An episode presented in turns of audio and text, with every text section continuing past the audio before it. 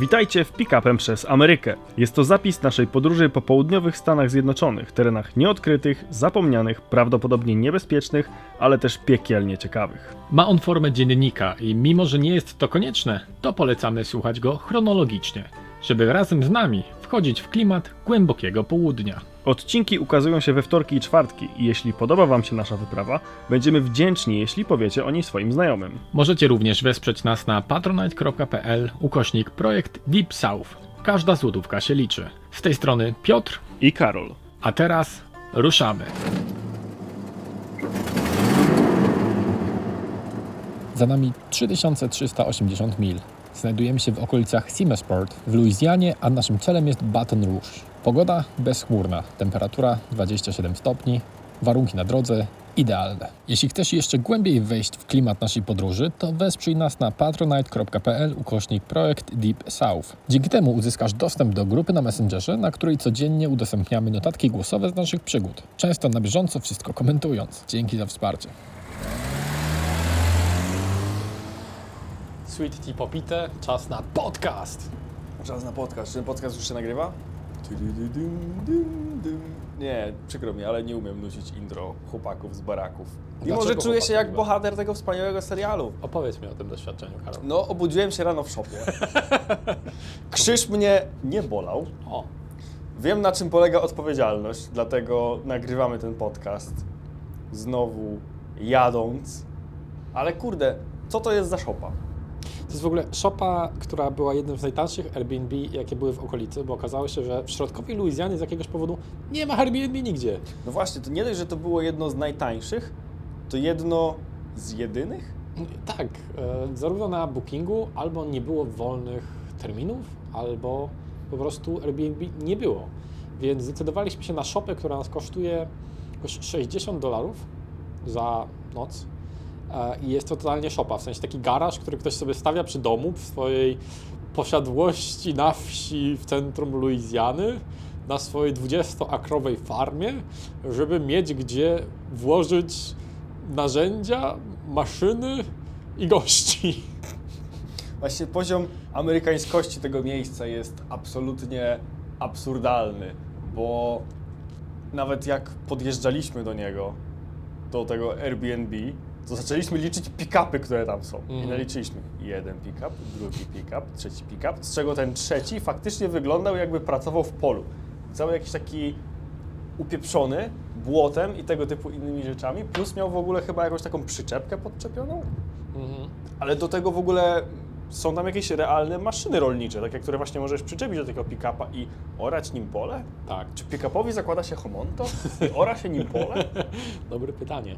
Em, ale też na przykład można sobie u nich, e, z czego raczej w końcu nie skorzystamy, wziąć kajaki, iść popływać na lokalne bagna. w ogóle absurdalne. Mają też łódkę, w w ogóle łódkę taką w kamo, e, takie wiejskie kamo. Taką do polowania na aligatory. Jestem święcie przekonany, że oni tam wszyscy polują na aligatory. Możliwe. I to E, jest dla nich normalne. Ale jak im powiesz, że lubisz Taco Bell, to nie jest. To normalne. nagle, jak, jak możecie go... Co? Uwaga. Bo Bóg was opuścił. Kontekst sytuacji. Jeżeli wyobrażacie sobie to miejsce, to na pewno mniej więcej wyobrażacie sobie tych ludzi. Taka typowa klasa średnia, może nawet klasa średnia wyższa. Wiecie, dzieci na uniwersytetach i to bardzo konkretnych uniwersytetach. Oni się chwalą tymi uniwersytetami, bo tutaj to jest norma. Pan z wąsem. I mieli w ogóle kampera jeszcze takiego ogromnego. Tak. Tak, Wszystko, co kampera. mieli, było ogromne. A oni sami nie byli ogromni. Właśnie, no Mieli pa, takie pani była tak, taka dość drobna. Takie e, sylwetki ludzi w średnim wieku, bym No, powiedział. no, Standardowe. takie, takie z filmu. No, dokładnie. Znowu będziemy przez pół podcastu Wow, to Ameryka jak z filmu! Albo jak ze zdjęć z pewnych protestów, kiedy ktoś wyłamuje im bramkę na osiedlu i wychodzą przed dom i pewne zdjęcia obiegają internet. Mogłoby być tam. Mogłoby to być. To mogliby być oni. No. no ale wyobraźcie sobie taką e, rodzinę, która pewnie, no wiecie, jak jest się już dorosłym, to raczej dokonuje się aktu spożywania jedzenia po tym, jak się je ugotuje. No. kupi się półprodukty w markecie. Oni też pewnie są na tyle bogaci, że jedzą w Applebee's. O właśnie. Albo w jest Nasz nie, Chili's. nie, niedościgniony ideał miejsca do jedzenia. Em, Bogole. Bogole. I, no i wiecie, sobie robią takie rzeczy, że na przykład kupują półprodukty i warzywa i zrobią z tego obiad i później to jedzą jak normalni ludzie, pewnie jeszcze przy stole, bo mają jadalnię. Może nawet nie z jednorazowych naczyń. Yy, no. Bez A, sensu. a my całe życie w fast foodzie. No ale nie, no dobra, jakby long story short. Zaczęliśmy rozmawiać, w sensie oni w ogóle zaczęli z nami rozmawiać, co było super, że byli zainteresowani Tak, bo- i tak dalej, tu gadka szmatka, no i zawsze jak wiadomo, że jest się skąd inną, no to temat schodzi na jedzenie, jakie jedzenie u Was, co jedzie tutaj i tak dalej. I Piotr w jakiejś takiej euforii chciał się podzielić faktem, jaki to super nie jest Taco Bell. Uwielbiam no i to Taco Bell, zrobił. powiedziałem. I love Taco Bell. I ich reakcja na to była absolutnie bezcenna. Taki wyraz niezrozumienia połączonego z absolutnym zdegustowaniem. Tak. Taco Bell? Yy. Ciekawe No. doświadczenie. Masakra ogólnie. Em, nie zyskaliśmy w ich oczach, raczej mieliśmy ta... zyskaliśmy ich politowanie i, i rozczulenie nad naszą sytuacją. Tak to odbieram. Em, no, ale no ciekawe. Takie jedzenie trochę dla biednych ludzi, nie? No bo jak masz trochę więcej dolarów, to możesz iść e, właśnie do jakiegoś Applebee's, gdzie zapłacisz pewnie, nie wiem, z 20 dolarów taksem za osobę, no ale będziesz miał już pewnie coś takiego bardziej ludzkiego. Znaczy fast food ogólnie to trzeba mieć tego świadomość, że w Stanach jest postrzegane jako jedzenie dla biednych ludzi. Mhm.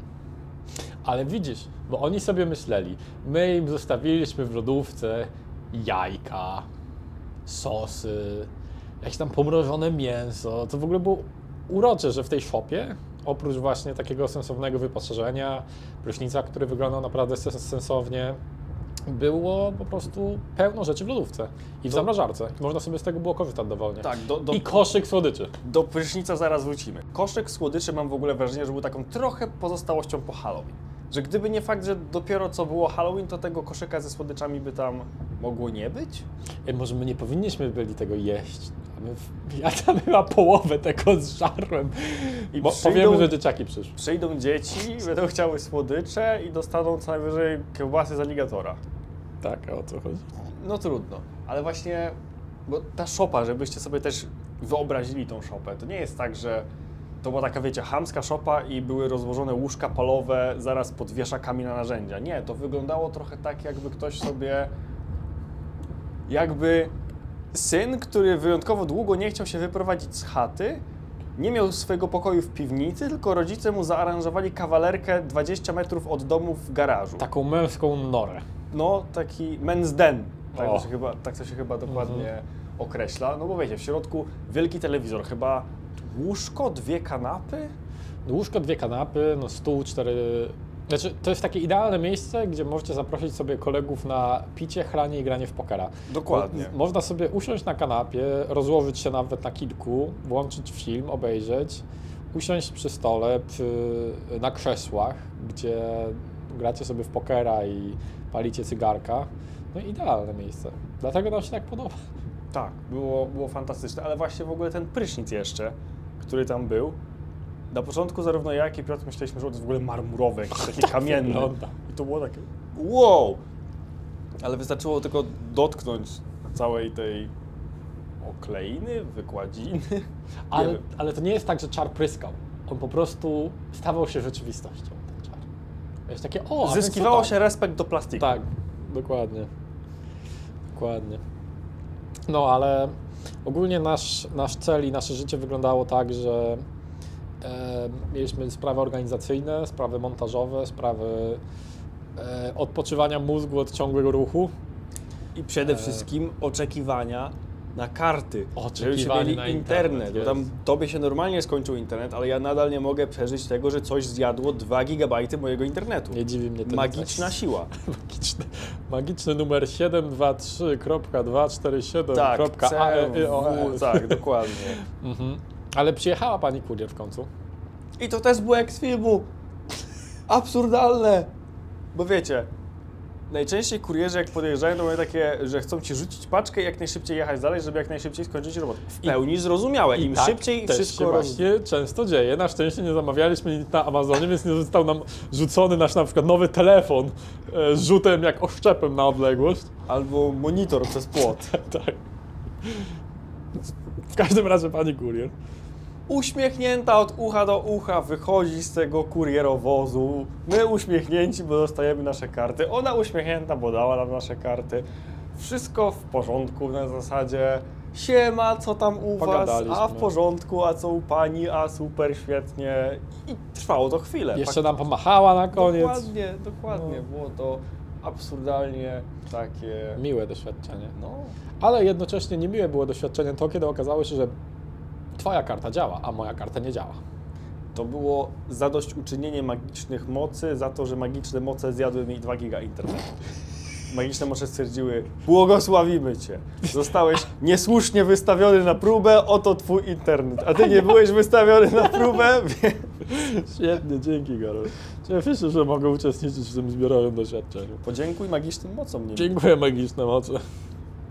No więc e, dramat niestety, więc ja nadal bez internetu, na szczęście e, przechodzę w tryb niekorzystania z internetu, e, no oprócz rzeczy typu montowanie do, do czwartej rano TikToków, których jestem pewny, że mało kto obejrzy, bo poświęciłem na nie za dużo czasu. Jakbym zrobił je w pół godziny, to wszystko byłoby git. JJ. Jot. E, jeszcze Wam opowiemy o to w tym Kiedyś to wytłumaczę. Ale jeżeli teraz y, nas słuchacie i wyobraźcie sobie, że też chcielibyście pole polecieć do Stanów Zjednoczonych i też chcielibyście korzystać z jakiegoś takiego super internetu, to napiszcie w komentarzu dziękuję magiczne moce, a będziecie błogosławieni tym, że z waszym internetem wszystko będzie w porządku. Dobry pomysł. Jednocześnie możemy e, dać e, kod rabatowy do operatora Visible, niesponsorowane, e, na temat tego, że najzwyklej w świecie możecie dostać nielimitowany internet, nielimitowane rozmowy za 30 dolarów miesięcznie, a z polecenia tylko 10 dolarów miesięcznie przez pierwszy miesiąc. I też skorzystaliśmy z tej oferty. I myślę, że będziesz z niej bardzo zadowolony. Ja pewnie też, kiedy w końcu zacznie działać. Ja już jestem zadowolony. Świetnie, Karol. Internet działa. Bardzo się cieszę. A wiesz jeszcze z czego byłem zadowolony? Z czego? Z oglądania tego absolutnie przygnębiającego filmu wieczorem. Tak, to jest w ogóle cieka Wiecie, mamy ciekawa dzień rzecz. pracy, w sensie siedzenia trochę na dupie, ale jednocześnie pracy takiej komputerowej i poniekąd też odpoczynku. Więc wpadamy na genialny pomysł, ej, to może obejrzymy film wieczorem. Jasne, świetny pomysł. I co wybieramy? Na zachodzie bez zmian. I to jest fantastyczne, że poczuliśmy taki powiew normalności, oglądając okropny w kontekście takiego dramatu ludzkiego film wojenny. Mieliśmy takie, wow, normalność, oglądamy takie rzeczy. I film był naprawdę dobry. Dobry, no, podobał mi się. I był długi, ale też nie, czuć było tego, że, że jest taki długi. Strasznie intrygował mnie ten dźwięk, który tam się pojawiał, w sensie ten taki charakterystyczny dźwięk, nie pasujący trochę do tego filmu, ale jednocześnie tak bardzo wchodzący w ucho, tak negatywnie. Może miało cię to tak przykuć do ekranu i jednocześnie wywołać pewne takie emocje, żebyś mógł się wczuć Albo w przykuć, losy. przykuć do okopu, bo nadchodzi ostrzał artyleryjski. właśnie. No właśnie. No, em, co też mnie pozytywnie zaskakuje każdego dnia, to to, że wszędzie było "Y, w Ameryce internet to nie ma, w Ameryce płatność kartą nie ma, a wszędzie jest.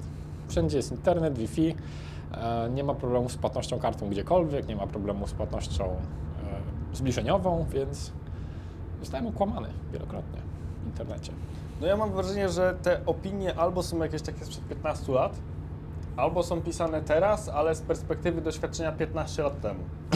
Że ktoś był w Chicago dwa dni u cioci i w jednym spożywczaku w Chicago u cioci nie można... Polskim spożywczego. Polsk, tak, nie można było zapłacić kartą i w związku z tym Ameryka to dno wodorosty i 3 metry mułu, jeśli chodzi o postęp technologiczny i tylko w Polsce są super płatności zbliżeniowe, a w Ameryce to czek trzeba wypisać. Albo zapłacić gotówką. Opowiedzmy o naszej tragicznej sytuacji samochodowej. Jakiej tragicznej sytuacji samochodowej? Przecież to, że 700 mil temu powinniśmy byli zmienić olej silnikowy, to nie znaczy, że coś jest nie tak. Ja nadal uważam, że nie jest to problem. Ja myślę, że pani w Jiffy Lube trochę powiedziała, że to jednak jest problem. Ona, ona ma płacone, żeby tak mówić. Poza tym Jason napisał, że może być normalny olej i nie będzie problemu. To skoro on zawsze leje normalny olej, to czemu w sumie... Znaczy ja wiem czemu to zrobiliśmy, ale wiesz, nadal, cze- czemu coś miałoby się stać nagle teraz? Jak pewnie pamiętacie, parę podcastów temu mówiliśmy o tym, że świeci nam się check engine. I on cały czas się świecił, plus naklejka w lewym górnym rogu szyby przedniej sugerowała, że no już jakiś czas temu powinniśmy zmienić olej, bo No tak uwaga, nie, pa- ma, nie ma karteczki pod maską, Mhm. bo kto regularnie zagląda pod maskę, a wszyscy regularnie patrzą na przednią szybę, bo jak inaczej jeździć. Dlatego montuje się naklejkę tam z wpisanym przebiegiem, kiedy należy znowu wymienić olej. Ale to nie jest też tak, że specjalnie nie chcieliśmy zmienić oleju, tylko po prostu jakoś tak dokładały się te mile. No to prawda, to, to prawda, że nie chcieliśmy, wiecie, Zajechać silnika specjalnie. chciałem użyć jakiegoś takiego określenia technicznego, co się robi z olejem. Jego się, To lewa. nie, Wymienia? nie, w rafinerii jest proces rafineryzacji? Nie wiem, ale opony to proces wul wulkanizacji. Nie, nie wiem, czy ci to pomaga. Nie, absolutnie mi to nie pomaga, ale jakby nie chcieliśmy jeszcze raz przeprocesować tego oleju, żeby on się w ogóle zmienił w jakąś zupełnie inną rzecz, taką abstrakcyjną, tylko no tak tam wyszło, że trochę później e, zmieniliśmy ten olej. Jeżeli mielibyście taką potrzebę, to w Stanach jest bardzo dużo takich warsztatów, które są sieciówkami i które zajmują się w takich strasznie prostych rzeczach. Typu praktycznie przykład, tylko i wyłącznie wymianą oleju, stary, jakimiś tam minimalnie no właśnie, to, były takie drobiazgi, typu nie wiem, ciśnienie w oponach, e, wyczyszczenie waszego auta Mhm. dokładne, e, z klimatyzacją chyba też mogli coś zrobić. No i Mhm. właśnie jedną z takich sieciówek jest Jiffy Lube, bo wyszło nam z szybkiego researchu internetowego, że tam olej da się zmienić najtaniej i Najszybciej. mają bardzo fajną obsługę poserwisową. Bo w momencie, kiedy To zabrzmiało śmiesznie. Mają obsługę poserwisową. Śmiesznie? Nie wiem, jakoś tak frywolny. Okej, frywolnie. No w każdym razie obsługa poserwisowa, he he, wygląda w taki sposób, że jeżeli już raz traficie do ich bazy danych jako klienci, to w każdym dowolnym momencie możecie wjechać do dowolnego Jiffy Lube w innym stanie, nawet na drugim końcu kraju i powiedzieć, a weźcie mi, sprawdźcie poziom oleju i coś tam i zrobią to za darmo. Znaczy, na pewno doleją za darmo na tego, e, płynu do spryskiwaczy. Nie wiem jak z innymi rzeczami. Znaczy, do, to, chodzi mi o to, że za darmo sprawdzą poziom oleju, A, okej. czy nic złego się tam nie dzieje, za darmo doleją płyn do spryskiwaczy i wiecie, takie totalnie bezkosztowe rzeczy zrobią, takie, które moglibyście zrobić sami, oczywiście, bo zakładam, że bardzo wielu z Was teraz pomyślało, co za debil nie jest sam sobie w stanie sprawdzić poziomu oleju. No, można, ale skoro można wjechać Nie, no, gdzieś tam, tak. gdzie uzupełnią Ci jeszcze za darmo płyn do spryskiwaczy, to przy okazji niech Tak. sprawdzą poziom oleju. Po co w ogóle Tak. masz tego dotykać, jeżeli nie ma takiej konieczności? Przy full disclaimer umiemy sprawdzić, ale jednocześnie z tym olejem też było nie tak. W sensie jego kolor był, w sensie kolor. No Jakaś maź się z tego No zrobiła tak, zamiast właśnie dlatego oleju, chciałem znaleźć ten I- proces, że on był przerefanerizowany jeszcze No tak, taki właśnie. I zamiast być E, olejem w kolorze oleju, to stał się taką brązową paćką. Tak, bo e, co ważne, samochody w USA są benzynowe. A samochody benzynowe, jak się okazuje, e, nie wiem czy ogólnie benzynowe, czy benzynowe automatyczne, nie znam szczegółów, trzeba w miarę często ten olej wymieniać. Bardzo często. No bo ja absurdalnie często. Ja w swoim dieslu wymieniam go chyba co 15 tysięcy i to nie ma znaczenia, czy to jest jakiś ultra super olej, czy ultra tani olej. A tam na a tam- najtańszym oleju trzeba wymieniać po 3000 mil. Tak, po trzech. Po e, 5, na- jeżeli jest średniej jakości A- i po 7, jeżeli jest tak, luksusowy. 7 tysięcy mil, więc jakby to jest chyba 11 tysięcy kilometrów, nie? Mhm. No ale nadal to jest E, dużo mniej. No właśnie, a ten najdroższy jest bardzo drogi. Więc Tak, to jest w ogóle drogi. jakaś dziwaczna rzecz. No ale też nie masz co dziwić, że wyrosło tak dużo miejsc, które zajmują się praktycznie tylko tym, żeby wymieniać ci olej. E, Bo w Polsce nie spotkałem się, wiesz, jakby z miejscem, które... No jest wulkanizacja, tam się zajmują oponami głównie. No tak, no chyba bo tylko jak oponami. ci strzeli opona, no to No. możesz no pojechać do jakiegokolwiek warsztatu, żeby ci... Em, tak. No i w ogóle ten mechanizm, w ogóle jakaś magia, jakaś czarna magia, która zadziała się w momencie, kiedy pani wymieniła nam olej, wyjechała z warsztatu, po czym... To, to, Takie- to zaraz, zaraz. No. Za chwilę, potrzy, potrzymamy Was chwilę Okej. w niepewności, ale jest jeszcze jedna ważna rzecz. W tym warsztacie okazało się, że ten olej, który właściciel naszego auta dotychczas lał do tego samochodu, był niepasujący do tego silnika. Znaczy, Że to był właśnie ten, ten, ten najniższej jakości. najniższej jakości. On powinien być syntetykiem czy Ona coś takiego. powiedziała, że to musi być miks w ogóle chyba. Co najmniej. Co najmniej miks jednego z drugim, czyli takiego podłego z takim spoko. E, I to jest zalecenie producenta do tego konkretnie typu silników, więc nie ja w mogli, po, manualu nawet sprawdzałem i tak było. nie mogli po prostu dolać oleju do naszego auta, tylko trzeba było zrobić flash engine, płukanie całego silnika. A czy, czy trzeba było zrobić? No, nie to- to wiemy. nie dowiemy To się chyba, zostało nie? nam powiedziane, więc zapłaciliśmy w ogóle dosyć dużo. Zapłaciliśmy w kurwę papy, stary. Zapłaciliśmy chyba 147 dolarów. Bardzo dużo. Mimo, że dostaliśmy chyba z 7 różnych zniżek. No, ale to jest właśnie taka, taka rzecz, że trochę nie mieliśmy wyboru. W sensie byliśmy na drugim końcu kraju, no i jeśli nasz pick-up by się zepsuł, no to jakby holowanie by sobie tam pokryła platforma, tak? Ale my zostalibyśmy de facto bez samochodu, bo chyba nie ma takiego prostego zamiennika, więc mimo, że pieniądze dostalibyśmy z powrotem, to musielibyśmy później szukać jeszcze jakieś w ogóle jakieś tam zawirowania, nie? To jest minus turo. Mhm. Możecie wynająć auto dwa albo nawet trzy razy taniej niż w jakiejkolwiek praktycznie najpopularniejszej wypożyczalni samochodów, ale jeżeli cokolwiek się stanie z waszym samochodem, no to macie pecha i musicie szukać nowego auta, nie jest podkładany wam zamiennik, więc trochę ryzyko, ale my też patrzyliśmy, bo dosyć Ciekawe. dobrze uważam działa system opinii naturą. Mhm. Że jeżeli ktoś jest naturą od dawna i ma zero opinii, to z jakiegoś powodu ich nie ma, albo opinie są średnie. Mhm. A Jason, e, który nam pożyczył pick-upa, miał dużo opinii, Mhm. bardzo dobrych i faktycznie no, z autem było w sumie wszystko ok. Tak, bo tam się ocenia zarówno samochód, jak i osobę, która wynajmuje. No i jakby w obu sytuacjach było to dobre. Było widać, że ten samochód jeździ, nie było nigdzie żadnych problemów, yy, a przynajmniej nie było widocznych problemów.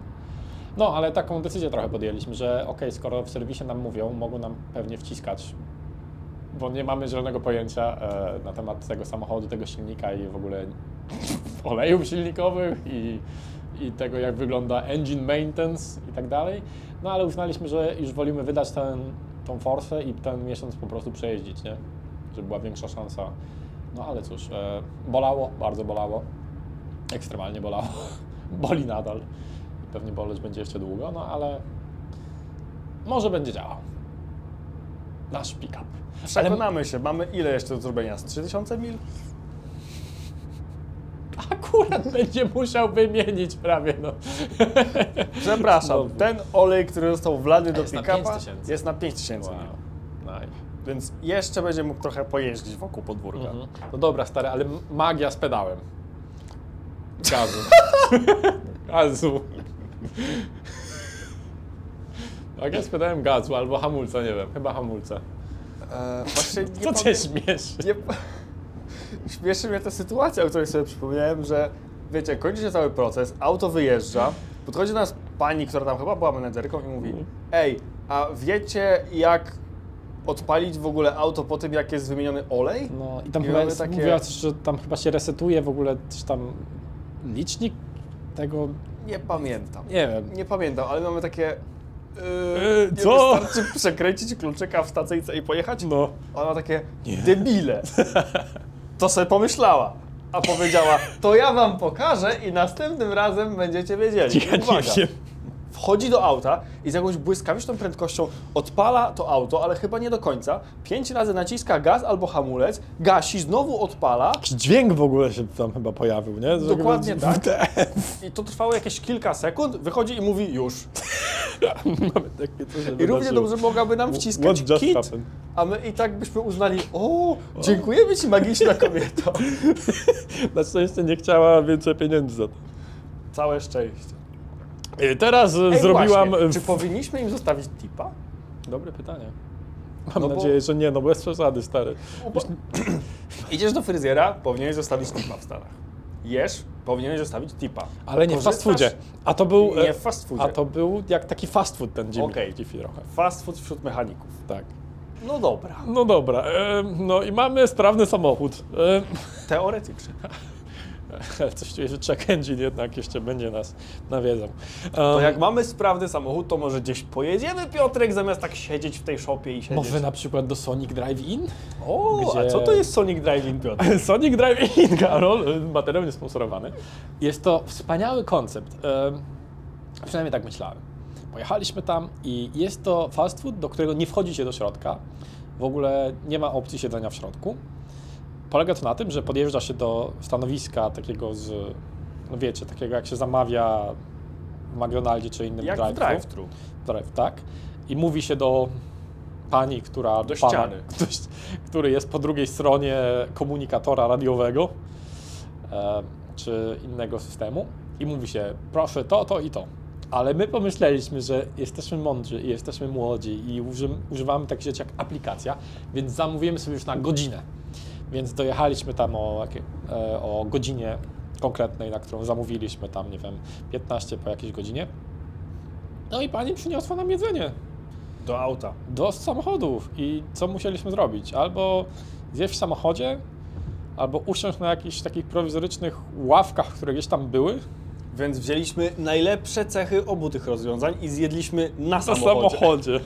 Na naszym pick-upie. I nie, nie można nam zarzucić, że nie używamy naszej paki. No, używamy. Tak. Jak inaczej mieliśmy gdzieś to? Nie wyobrażam sobie, żeby mogli to zrobić inaczej. Więc macie fast food, który nie ma drive-thru, ale ma drive-in. Właśnie. Jak kina drive-in, jak kina samochodowe, tak tu macie fast food samochodowy. Ja uważam, że to ogólnie jest bez sensu. W sensie, w sensie nie w sensie. No. Dlaczego bez sensu? No jakoś tak nie czuję tego pomysłu. Rozumiem, że to jest tak, że Bo wychowałeś się w innej kulturze. A tam jest stary kultura absolutnej hegemonii samochodów. ważne, żeby było w samochodzie. Jak w samochodzie, to lepiej. Trochę tak, ale zobacz, nawet banki. W czasach, kiedy popularne jeszcze było to, że żeby wpłacić pieniądze do banku, zrobić jakiś przelew i tak dalej, musiałeś iść do banku, odstać swoje w kolejce i tak dalej, to mogłeś stać w kolejce w banku wśród innych ludzi. A Amerykanie wpadli na pomysł już Tak. chyba ze 100 lat temu, że można zrobić bank drive-thru, gdzie robisz dokładnie to samo, czekasz w kolejce i tak dalej, ale w swoim samochodzie. 100 Czyli lat temu to na koniu chyba. nie masz interakcji z innymi ludźmi. O, wow, to dobrze. Wiesz, Siedzisz ogóle- sobie w aucie. Sam wybierasz, czy ma być w nim cholernie gorąco, czy ma w nim być piekielnie zimno. Do tego włączasz swoją ulubioną stację radiową i po prostu czekasz. Więc ten amerykański indywidualizm i całkowita odrębność, dokładnie jak w drive-thru.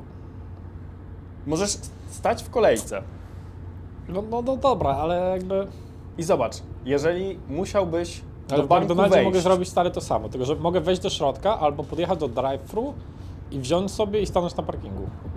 Tak, ale właśnie o to chodzi, że jeżeli na przykład nie chce ci się stawać na parkingu, albo parking jest zawalony, bo jest tyle osób w McDonaldzie, to musiałbyś gdzieś czekać, jakby szukać miejsca parkingowego. I podobnie mogłoby być z bankiem. Jeżeli był na przykład, zakładam, nie wiem, moment wypłaty, to banki mogły być bardziej oblegane. To albo czekasz mogą, w długiej kolejce z samochodem. Tak. Jakby możesz, albo czek, możesz najpierw szukać miejsca parkingowego i później czekać w długiej kolejce w środku, albo nie szukać miejsca parkingowego, tylko czekać w długiej kolejce w samochodzie. Ja nie mówię, że to jest dużo lepsze. Ja rozumiem prostu twoje argumenty, ale w moim próbuję- mózgu po prostu się nie zgadza. Próbuję ci pokazać perspektywę Amerykanów. No, myślę o tym, mam takie... mm, No, rozumiem, ale takie... e, Ja też nie czuję, że byłoby mi to niezbędne w życiu, Okej. aczkolwiek jestem w stanie zempatyzować, postawić się trochę w ich sytuacji i mieć takie, no dobra, w porządku. Wiesz w ogóle skąd się wzięło drive-thru? Skąd się wziął? Z tego co pamiętam, to może być kompletna bania luka i ciekawostka przekręcona lub zapamiętana w zły sposób, ale wydaje mi się, że chodziło tutaj o osoby w mundurze. Nie wiem, czy nie było jakiejś zasady, że jak na przykład policjant jest na patrolu, czy, czy na przykład taki żołnierz, który gdzieś, nie wiem, są w transporcie, nie mam pojęcia. W każdym razie było coś w tym stylu, że chyba nie mogą chodzić w mundurze Do restauracji. do restauracji A, faktycznie i tak też coś dalej. takiego słyszałem, no. I że żeby mo- właśnie z myślą o mundurowych powstało drive-thru. Tak, że Żeby mogą mie- być mogli nadal... legalnie zjeść. Tak, tak, tak. E, więc no, taka, taka ciekawa geneza. No ale ogólnie Sonic Drive-In nie zachwycało. E, ten e, popcornowe nuggetsy też. No to jedzenie było takie, że jak je jadłem, to nie płakałem, ale jak o nim myślę teraz z perspektywy czasu, to mam takie. E, jeżeli życie mnie zmusi, to zjem. No tak, Jakby tak. nie będę płakał, ale jeżeli nie muszę, to chciałbym nie jeść. Mhm. W ogóle jeszcze inny taki redemption arc, e, w którym odkupienia doznało Dollar General, to jest jedna z moich ulubionych historii jak na razie. No bo jak byliśmy w Arkansas, to mieliśmy straszny hejt na Dollar General, bo z naszej perspektywy był to taki sklep z gównem. Taki po prostu plastikowe chińskie gówno i było tego pół sklepu. Jeszcze było Halloween, więc jakieś tam dodatki, już nawet nie za dolara, tylko za dolara 25 plus tax, więc to w ogóle rozsierdziło nas, że co, co, co za kłamstwo. No właśnie. Em, no ale nie, nic nie było w tym sklepie, był okropny. Taki, wzi- jeśli wziąć najgorsze rzeczy z Pepco, Action i Deals i połączyć to w jedno, ale zrobić jeszcze większe, to, to, to dla nas było to Dollar General. A okazuje się, i to wytłumaczyła nam pani z Jiffy Lube, że Dollar General, tak naprawdę każdy sklep wygląda inaczej, bo to jest po prostu sieciówka, która jest sklepem, dostosowującym się do tego, co jest na miejscu. Więc jeśli w jakimś miejscu e, jakieś miejsce nie spełnia federalnego przydziału chińskiego gówna, no to stawiają nam Dollar General z plastikowym gównem. Ale jeśli na przykład nie ma tam spożyw- spożywczaka, to w tym Dollar General jest spożywka. I to jest w sumie mądre. Ciekawi mnie w ogóle, jak wygląda cały model badania lokalnego rynku, no bo to, to musi tak strasznie lokalnie i w sensie, no właśnie pytanie też, na ile mocno to jest dopasowane do potrzeb Dobre społeczności. Czy to jest takie trochę randomowe na zasadzie, ej, tam w promieniu dwóch mil nie ma żadnego Dollar General. Pojedźcie zobaczyć, czego może tam ludziom brakować. Więc jedzie jakiś przedstawiciel Dollar General, staje po środku tego e, kółka, gdzie jest wyznaczony dwumilowy promień, gdzie nie ma żadnego Dollar General, patrzy i myśli sobie, hmm, Hmm. plastikowe gówno, to jest to, czego oni potrzebują. I bum! Możecie tam kupić na przykład zajebisty uchwyt na telefon do samochodu. Jezu, taki za dolara. No, kupiliśmy w Walmarcie taki za 10 dolgów chyba sobie płaciliśmy wtedy. Chyba więcej, nawet z 15. Jeju. I kupiliśmy ten za dolara i jest to wiele lepszy. Że jest taki, jest całkowicie inny, więc to trzeba dać, dodać, że jakby ten droższy jest droższy, no bo jest bardziej skomplikowanym mechanizmem. No tak, no bo on jest, ma taką przystawkę, że możecie go przyczepić do szyby, do Można do, go do regulować kokpitu, normalnie, można no. regulować, obracać i tak dalej. A ten za dolara z Dollar General to jest po prostu taki uchwyt, który wtykacie w kratkę I wentylacyjną. jest totalnie plastikowy. Jest tak. Także za każdym razem jak go używamy, to mamy wrażenie, że się rozpadnie, ale potrzebujemy dwóch, więc Działa? działa, Działa. więc jest super. No dobra, pojechaliśmy do tego Sonika, ale zadając Ci pytanie, że ej Piotrek, skoro może mamy sprawny samochód, to może gdzieś pojedziemy. To może byśmy gdzieś pojechali. I teraz powiesz, że co, że po pączki? Gdzie popączki? I bo w ogóle, będąc w Jiffy Lube, zagadaliśmy jednego z pracujących tam typów, mówiąc, ej, mamy takie pytanie. Lubisz pączki? A on mówi, no jasne. Lubisz pączki?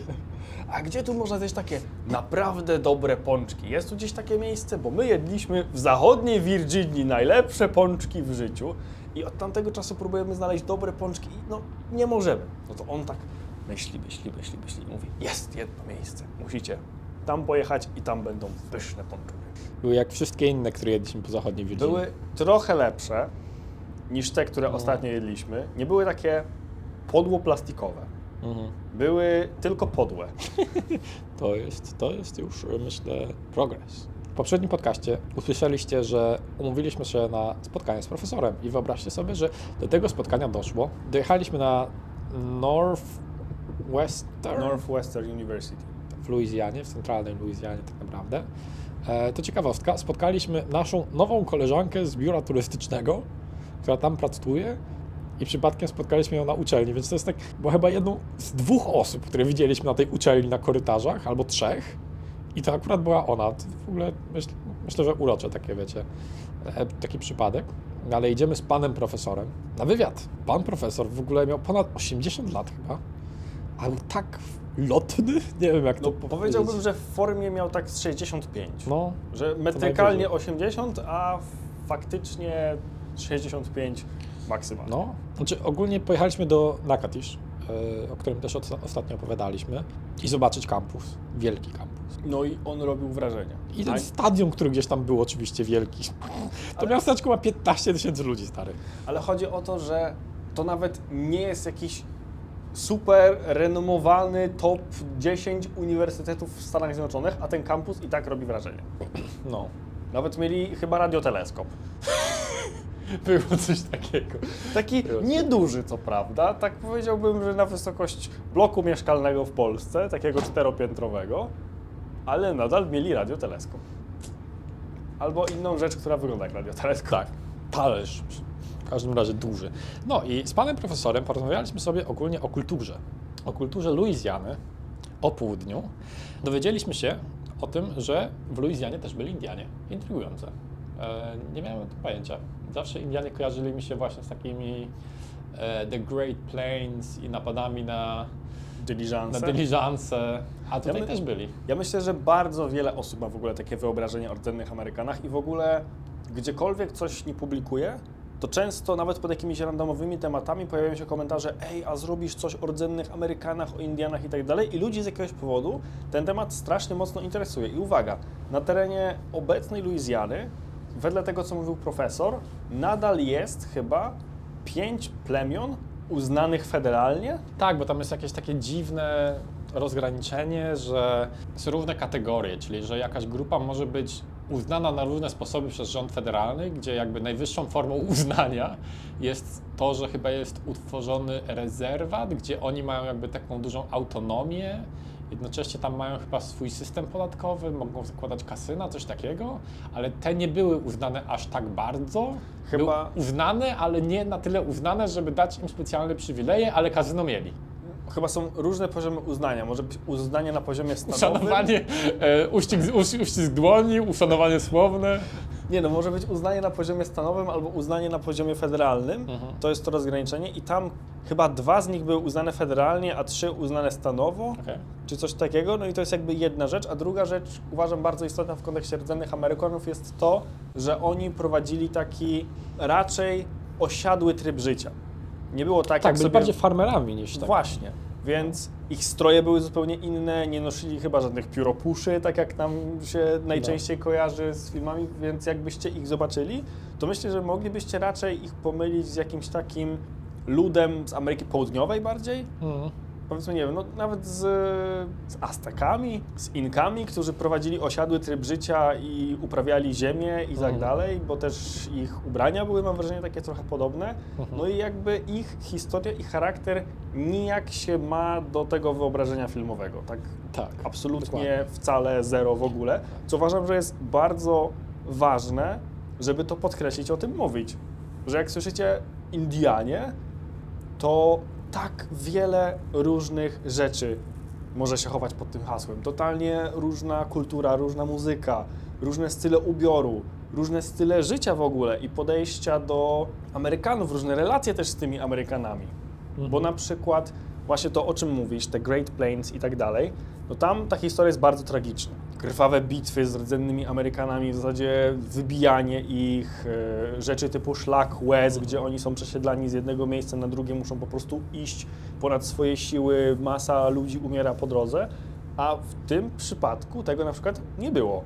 Tam jakoś ta historia na południu w Luizjanie była dużo bardziej przychylna rdzennym Amerykanom. W sensie no, zostali lepiej potraktowani przez, i tutaj użyję tego słowa, bo bardzo wiele osób też mi to e, ko- komentuje, przez kolonizatorów. Mhm. Znaczy, to chyba była taka kwestia, że te plemiona były mniejsze, więc one chyba były taki trochę mniejszym problemem, no bo jak masz duże plemiona zajmujące duże połacie terenu, no to a mają większy potencjał, żeby robić problem, kiedy nie zgadzają się z tym, że zabierasz im ziemię. No a po drugie też, no im większe plemię, tym po prostu, a jeśli mamy mniejsze plemiona, no to łatwiej jakoś pewnie z nimi dogadać się mniej lub bardziej siłowo. Historii dokładnej nie znam. Co mnie mega zaciekawiło e, i co jest ultra fajnym tematem właśnie południa i Luizjany przede wszystkim, są kultury, które się tutaj ukształtowały. Czyli mamy kulturę kreolską i kulturę kejdziuńską. Właśnie nie wiem, czy ona jest kajuńska czy kejdziuńska. Chyba bardziej Cajun, nie? Cajun, w sensie jest Cajun, Cajun chicken, to jest taki, w sensie, ale nie wiem, czy on jest stamtąd. W sensie Cajun chicken to jest pierś z kurczaka smażona z przyprawami. I tyle. W sensie pierś jako nie w panierce. Właśnie taka z przyprawami po prostu. Więc To nie tak, na głębokim oleju też smażona. Nie na, głębokim. taka najlepiej, najlepiej chyba w takim rękawie, w sensie do smażenia. Ale ja się na tym kompletnie nie znam, w sensie będziemy musieli jeszcze poeksplorować trochę ten temat. No ale w ogóle kult, kultura kreolska, jakby to jest mój ulubiony temat. Jeśli chcemy wprawić kogoś, kogoś w konfuzję, ktoś na temacie zna i musi nam opowiedzieć, czym jest kultura kreolska, ponieważ najczęściej to jest takie... "Mm, No w sumie zajmuję się tym już od pięciu lat, ale Od nie do pięciu? końca jestem w stanie wam powiedzieć. Zajmuję się tym całe życie zawodowe, ale nie jestem w stanie wam powiedzieć. Są trzy różne teorie i w zasadzie żadna nie jest lepsza od tej drugiej. No i tak naprawdę, czym jest kultura kreolska, to musiałby wam powiedzieć jakiś kreol. Takie, a to co tobie powiedział kreol kiedyś? No, bo oprócz profesora rozmawialiśmy też z takim z innym, z innym ziomkiem, chyba doktorem, który tam pracuje, czy doktorantem. To był chyba profesor nadzwyczajny. Okej. Tak mi się E. No, ale kreole e, i kej, kejjuni, Właśnie też się zastanawiam, jak to No, odmienić. dobre i pytanie. Nie mam pojęcia. No to są takie unikalne grupy, które wykształciły się w Luizjanie. Luizjana ma taką historię, że jest to prowincja francuska i ona przez lata przechodziła chyba od Francuzów do Hiszpanów do Francuzów, po czym Francuzi sprzedali cały teren Luizjany, czyli wtedy był to tak naprawdę pół Stanów Zjednoczonych. Tak, na początku XIX wieku było takie wydarzenie, nazwijmy to, które się nazywa Louisiana Purchase Mhm. i wtedy to rząd Stanów Zjednoczonych, w ogóle chyba od Napoleona, kupił całą Luizjanę, jeżeli dobrze Nie było jak pamiętam. 1804? Strzelam, nie mam zielonego pojęcia. Albo 1802, albo 1804, coś takiego, sam Mhm. początek XIX wieku. I co ciekawe, z tego co pamiętam, Amerykanie w ogóle chyba chcieli kupić tylko Nowy Orlean i teren wokół Nowego Orleanu. Tymczasem, o kurde, wpisało mi się do Excela miliony kilometrów kwadratowych. Tymczasem jakiś Napoleon mówi, nie no, samego Nowego Orleanu to wam nie sprzedam, jak chcecie to kupcie wszystko, a nie na raty. No i Amerykanie mieli takie, hmm, no dobra. No dobra. Więc kupili pół Stanów Zjednoczonych, terenu obecnych Stanów Zjednoczonych, e, co później... Czy tak zwany claim, czyli że oni rościli sobie do tego prawa, jakby było uznane międzynarodowo, że to jest ich, mimo że tam tak naprawdę nic nie było, więc mieli prawo do zasiedlenia tego, ale tak naprawdę jeszcze tego nie zasiedlili, więc teraz Amerykanie mieli prawo do, do zasiedlenia tego, bo sobie to kupili. Mega temat, w ogóle powinniśmy kiedyś nagrać o tym jakiś odcinek, e, może nawet nie podcastu, ale YouTube'a, czyli Manifest Destiny. Em, czyli taki temat, że Stanom Zjednoczonym jako narodowi wybranemu zostało przydzielone skolonizowanie całego kontynentu, ponieważ to jest ich prawo i ich zadanie od Boga. Ameryka... Fuck yeah. I kultura kreolska, jako że były to tereny francuskie, e, wytworzyła się z całej tej mieszanki, która działa się w Luizjanie. I to, wy, to wynikało na przykład właśnie z tego, że plantacje często były francuskojęzyczne, że mimo, że to był teren Stanów Zjednoczonych, to na plantacjach nadal mówiono po francusku, ponieważ em, no, właściciele byli Francuzami. No i przez to, że ludzie mówili tam po francusku, a tak naprawdę byli w Ameryce i na dodatek Nowy Orlean był takim wielkim hubem różnych kultur, handlarzy i wszystkich, którzy szukali swojego szczęścia, no to wytworzyła się taka dość specyficzna, ciekawa, intrygująca mieszanka kulturowa. Kreola. Właśnie kreole są tak bardzo bezsensownym tematem, że w różnych miejscach na świecie No. można mówić o jakiejś grupie ludności, że są oni kreolami. Najprostszą definicją jest to, że kreole są właśnie mieszanką. To znaczy, że połączyli się ludzie pochodzenia europejskiego i pochodzenia rdzennego, albo pochodzenia europejskiego i pochodzenia afrykańskiego, albo pochodzenia rdzennego i pochodzenia afrykańskiego, że każda mieszanka w miejscu, w którym ona naturalnie Tak, nie występuje, było takiego, w miejscu jakby odrębnym, e, sprawia, że ktoś może być kreolem. Tak, I bardzo i że- często w kontekście Luizjany są to ludzie, którzy nadal mówią po francusku albo z francuską kulturą w jakimś stopniu się identyfikują, Tak, są ale, związani ale, jakoś. żeby nie było za prosto, są właśnie jeszcze Keijuni czy Kajuni. I Keijuni właśnie są już tacy typowo francuskojęzyczni i zamieszkują bardzo konkretne tereny Luizjany i oni... Okolice Lafayette. I tam właśnie już nie jest ważne pochodzenie etniczne, czy bycie jakąś mieszanką, tylko wzrośnięcie, urodzenie się i wychowanie bezpośrednio w kulturze francuskiej, ale w tym wydaniu takim luizjańsko-amerykańsko-francuskim. Tak. Tak, no i tak jak mówisz, że Keijuni są właśnie w tym jednym specyficznym miejscu, dość małym geograficznie, a kreole są wszędzie, stary. I nie da się ich zawęzić albo Ja mam wrażenie, że z byciem Precyzować. kreolem jest trochę jak z byciem Amerykaninem. Że kreolem możesz się po prostu określić. Tak, i nikt nie może ci tego zabrać. Dokładnie. Nikt No. nie może powiedzieć, że nie jesteś kreolem, bo wtedy byłoby to dyskryminowanie cię. Mhm. Na przykład jakbyś Trochę powiedział, tak. że jesteś Cajunem i nie, był, i nie byłbyś w stanie tego udowodnić, to jakby można by powiedzieć, nie jesteś prawdziwym Cajunem i musiałbyś powiedzieć, przepraszam, że obraziłem waszą kulturę. Tak. A jeżeli powiesz, że jesteś kreolem i nie będziesz w stanie tego udowodnić, to trudno, niech przestaną cię dyskryminować. Z tym panem profesorem jeszcze po raz kolejny to śmieszne uczucie, e, kiedy mówimy, że jesteśmy z Polski, nie? I ma takie, z Polski, wow. Takie, wow, dzięki. Bo jednak kto o zdrowych zmysłach przyjeżdża tam, będąc Polakiem? Że tam nic nie ma. Znaczy jest, ale nie jest tak turystycznie, nie? No ogólnie większość miejsc czy doświadczeń w trakcie tej podróży to są takie doświadczenia spoko reporterskie, spoko dla zajawkowiczów, ale jeżeli na przykład mielibyśmy komuś to polecić turystycznie, na taki typowy turystyczny wyjazd, Zobaczyć fajne miejsca. relaks, zobaczenie i tak dalej, to trzeba byłoby włożyć w to mimo wszystko nadal bardzo dużo wysiłku, bardzo dużo organizacji, żeby się to jakoś sensownie To udało. może biuro turystyczne Carwala Mikshak albo Mikshak and Carwala, w którym organizujemy wycieczkę na południe, właśnie takie stare z iskrą. Wow. Iskrą. Iskra. Z ikrą chyba się mówi, nie? Nie wiem. Nie, Nie wiem, co wiem. chciałeś powiedzieć. Nie, ta- takie fajne, no, takie, takie ciekawe. Tak, ale właśnie z tym E. drugim panem profesorem, profesorem nadzwyczajnym, z tym wywiad był dużo krótszy, bo on trwał z 15 minut, Mhm. 20, bo wcześniej z panem profesorem tym y, zwyczajnym rozmawialiśmy ile? Z półtorej godziny? Może nawet dwie? No, łącznie coś takiego wyszło. Strasznie długo. E, W każdym razie pytaliśmy go, tegoż profesora nadzwyczajnego, tego drugiego, o e, kryptydy w ogóle.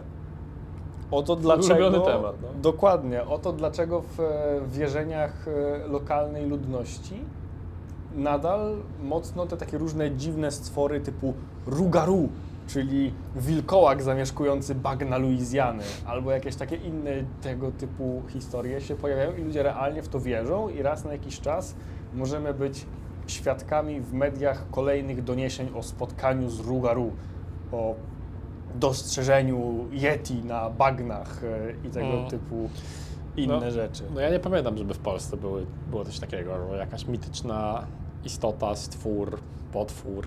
No był smog wawelski. Ale on został w to- folklorze to z zasadzie- 10 wieków temu. No stary. właśnie, ha ha ha, smog wawelski. No i Baba Jaga. No inne takie No rzeczy, tak, ale ale nie- one nie nie, ma- pojawiają się współcześnie. One nie, nie żyją teraz. W latach 50. albo 70. było kilka spotkań z UFO. A to przepraszam.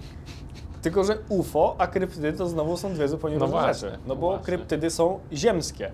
One mogą być jakby demoniczne, straszne, dziwne, zmutowane, ale nadal są stąd, Tak. a nie z kosmosu. No właśnie. No i nie mamy kryptyd w Polsce. Ale my wszyscy jesteśmy z kosmosu. Skąd jesteś z kosmosu? No to to co? sprawia, że jestem kosmitą? Tak. O. Czy masz jeszcze coś do powiedzenia na temat naszego wspaniałego profesora? Oprócz tego, że masz super zdjęcie z nim, jak sobie stoicie i się cieszycie. Nie. Okej, no, no to fajnie, no to fajnie. Karol, mówiliśmy ostatnio o tym, że naszym celem jest em, zostawienie za sobą okropnych interstate'ów i to nie dlatego, że nimi jeździmy i zostają za nami, tylko dlatego, że stawiamy je obok siebie tak naprawdę, bo zamiast interstate'ami, czyli największymi autostradami, będziemy jeździć highwayami, czyli tak naprawdę często starymi autostradami, które są zaraz obok tych interstate'ów. E, I również się tym, że jest minimalnie mniejsze ograniczenie prędkości i mniej samochodów. I przejeżdżając raz takie tereny, właśnie z trafiliśmy na chyba twoje ulubione jedzenie jak dotąd, co? Miejscówka się zgadzała, daje się, jakby op- opisz. Wyobraź sobie, że mam teraz zamknięte oczy, mimo że prowadzę, to, to jakby wyobraź sobie tylko to. To to, to. postaraj się nas nie rozbić, a Okej. ja będę snuł E, opowieść. Cytując klasyka z tego podcastu, jeśli usłyszymy to znaczy, że się rozwaliliśmy. No, dajesz, Karol. Uwaga. Po naszej prawej stronie, gdzieś za pasmami drzew, jakieś 120 yardów, jest sobie interstate. Wstrętny, bezduszny interstate. Taki, wiecie, z trzypasmowy, czteropasmowy, coś takiego. A my jedziemy drogą jednopasmową. Maksymalnie dwupasmową w niektórych Momentami. rejonach. Przejeżdżamy raczej przez gęstszy las, który nie został wykarczowany i któraś miejscowość z rzędu jest totalnie podupadła. Wiecie, z jednej strony można było powiedzieć, no okej, ale przecież 17 lat temu przeszedł tędy huragan Katrina, więc prawdopodobnie coś tam rozwalił i pewne rzeczy nie zostały nigdy odbudowane, tylko tak zostały zostawione i nieposprzątane. Okej, ale też są upadłe biznesy. I w pewnym momencie dojeżdżamy do miejscowości Boys. Boys! Wydaje mi się właśnie, że czyta się tak jak boys, jak chłopcy, ale pisze się boyce. No i tam jest miejscówka, która ma strasznie dobre opinie na e, Google Maps. Uncle Albert's Fried Chicken. Więc już wiecie, co za chwilę będziemy jedli. Będziemy jedli absolutnie najlepszego smażonego kurczaka. Jak jesteście Takiego fanami, kurczola wręcz, tyle go było. z KFC, to wyobraźcie sobie, że stripsy nie składają się w 50% z panierki i w 50% kurczaka, tylko w 90% z absolutnie ogromniastego kawałka kurczaka i 10% pysznej, fantastycznej panierki. Tylko zanim będzie nam dane skosztować tego wspaniałego kurczaka, to cały lokal wygląda jakby zatrzymał się w czasie jakieś 40 lat temu. Mhm. Myślę, że lekko. Wchodzimy do środka. klimatyzacji. Właśnie, nie ma klimatyzacji. Działają dwa ogromne wentylatory. Jeden z nich w ogóle wyglądał chyba jak do suszenia posadzek, a drugi jak do suszenia samochodów na myjniach Industrialne na po prostu rogach Absolutnie lokalu. Ogromne. One, wiecie, chodzą na pełną moc. Ale tak- to nic nie daje, bo w środku tak bardzo wali smażonym kurczakiem, jak to tylko jest możliwe. Już w momencie, kiedy Jest taki wchodziliśmy, dymek to... po prostu, taka to- mgła Tak, wisząca. mgła w ogóle unosi się w całym lokalu. Ja jestem święcie przekonany, że sekundę po tym, jak weszliśmy za drzwi, to już będę przez trzy dni zmywał z siebie zapach tego smażonego kurczaka, ale to nic, bo coś mnie ciągnie do środka tego lokalu. W rogu w ogóle siedzi rodzina lokalców. I pan lokals jakoś tak podejrzliwie na nas patrzył. Miał takie, nie jesteście stąd, co tu robicie. I faktycznie to była też jedna z pierwszych rzeczy, które usłyszeliśmy zamawiając tego kurczaka, że ej, skąd jesteście, bo my znamy wszystkich, którzy tu przychodzą, bo tu przychodzą tylko lokalsi do nas, a wy zdecydowanie nie jesteście stąd. Nawet nie musieliśmy nic powiedzieć, nawet nie była kwestia akcentu, tylko po prostu twarze nie zostały rozpoznane, to znaczy, że nie jesteście stąd. No więc mówimy, że z Polski, że to, że tamto i tak dalej, no i zamawiamy kurczaka. On był w ogóle jakiś taki śmiesznie tani. Śmiesznie tani, no jak na kosztował standardy miejsc, które nie są fast foodem z 10 dolków, kosztował za porcję chyba z frytami. i napojem, No, no, no tak 11 dolarów max chyba wychodziło za osobę. razem z taksem. Mhm. No i chwilę czekamy. Chwilę zajęło w ogóle, zanim go zrobili, bo robili go faktycznie na bieżąco, na świeżo. To nie było A tak, ile tam że... prądu stare musiało być zużywane, na przykład przez te wiatraki, które ciągle chodziły. Ja myślę, że tam wszystkiego było zużywane w ilościach hurtowych większych niż nam mogłoby się wydawać.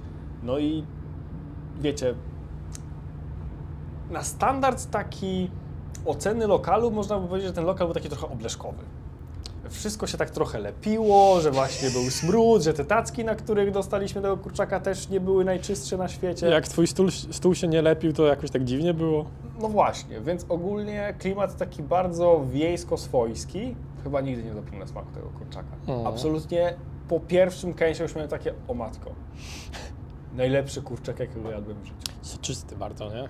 Pyszny, aromatyczny, soczysty. Ty w ogóle wziąłeś go chyba w jakiejś takiej ostrej panierce, z tego co pamiętam. Trochę żałowałem, w sensie była ostra naprawdę. No i, znaczy, była tak na, na granicy ostrości, w sensie czasem jest tak, że jedyne co czujesz to ostry smak i to, że ryj cię piecze, nie? To było tak, że miałeś takie, o, ostre, ale jednocześnie jestem w stanie po, powstrzymać łzy, zacisnąć zęby na kurczaku i go zjeść. Wspaniałe doświadczenie i wspaniałym doświadczeniem w ogóle było też posłuchanie historii tego miejsca. Bo Uncle Albert's Fried Chicken kiedyś był lokalną sieciówką. Zgadza się, chyba Ile? 13 Dwadzie- lokalów. 22 lokale były? 18? Jak widać, źródła podają różne.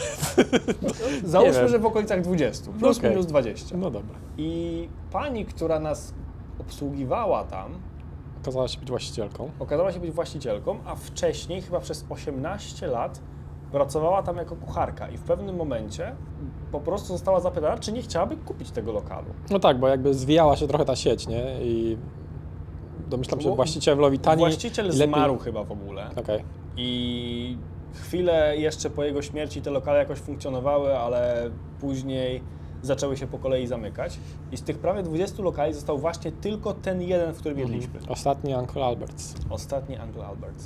No i to jest znowu to, nie? Jakby może być tak, że tych lokali już nie będzie, jak następnym razem myśmy tam pojechali w te same miejsca. I ciekawe też było, uważam to, co jest takie bardzo specyficzne dla południa, które jest jednak fragmentem Bible Belt, że nawet na koszulkach obsługi, na szyldzie nad kasą były jakieś takie religijne Tak, teksty. Że tak. coś tam Jezus Chrystus. Jezus, Bóg dobry i tak dalej, że my tutaj wierzymy w Boga, etc., etc. I po prostu widać, że faktycznie na tych terenach południowych jest bardzo dużo, bardzo głęboko wierzących ludzi.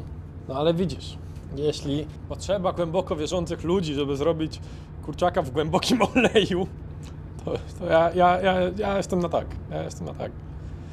A poza tym, jak widzisz takie zachody słońca jak wtedy, No, to jak możesz nie wierzyć? no jakoś mogę. jakoś mogę. A, okej. No ale zach- zachody słońca są, są super, e, bo pogoda jest bardzo dobra. E, Chodzi o to, że w końcu udało nam się upolować zachód słońca. Zgadza się. I to z krówkami. No, krówki prawie też upolowałeś tym dronem. To jest w ogóle wspaniałe, bo można się poczuć jak taki, taki border collie albo jakiś inny e, owczarek, który, którego życiową misją jest zaganianie krów i zaganianie owiec. To ja byłem taką, takim owczarkiem. Nie wiem, czy owczarki zaganiają? Shepherd to jest chyba po angielsku, więc brzmi jak, jakby do tego służyły. No, no ale... Nawet, nawet owczarek po polsku, stary, sugeruje ci pewne rzeczy. Rzeczywiście. No, no to byłem takim owczarkiem i to było urocze. Ja się nie chciałem przestraszyć krówek, ale zaczęły już biec, no to miałem takie... Teraz, żebyście zrozumieli o co chodzi. Jak widzimy zachód słońca, to szczególnie ładny, to bardzo często mówimy, o, czy można się gdzieś zatrzymać i zrobić parę zdjęć albo parę, parę nagrań. I akurat wtedy zupełnie przypadkiem zatrzymaliśmy się obok pastwiska, na którym było całkiem sporo krów. No i jakby nie lataliśmy bezpośrednio nad głowami tych krów, ale dźwięk drona był dla nich na tyle głośny czy inny, Mhm. że tam, gdzie był dron bezpośrednio nad nimi, ale nadal jakieś 70 metrów albo 100 metrów, czyli wysoko, to one miały takie hmm, chce nas zabić, uciekajmy. Raczej takie mu, chce nas zabić, czekajmy. Tak, tak, ba- ba- bardziej myślę, że w ten sposób. E, No i trochę uciekały, w sensie nie w panice, ale raczej w takim zorganizowanym, Tak. niespiesznym popłochu. Miały takie, o, zwykle jesteśmy zaganiane dronem, no tym razem, tym razem przyleciał wcześniej, no ale biegniemy.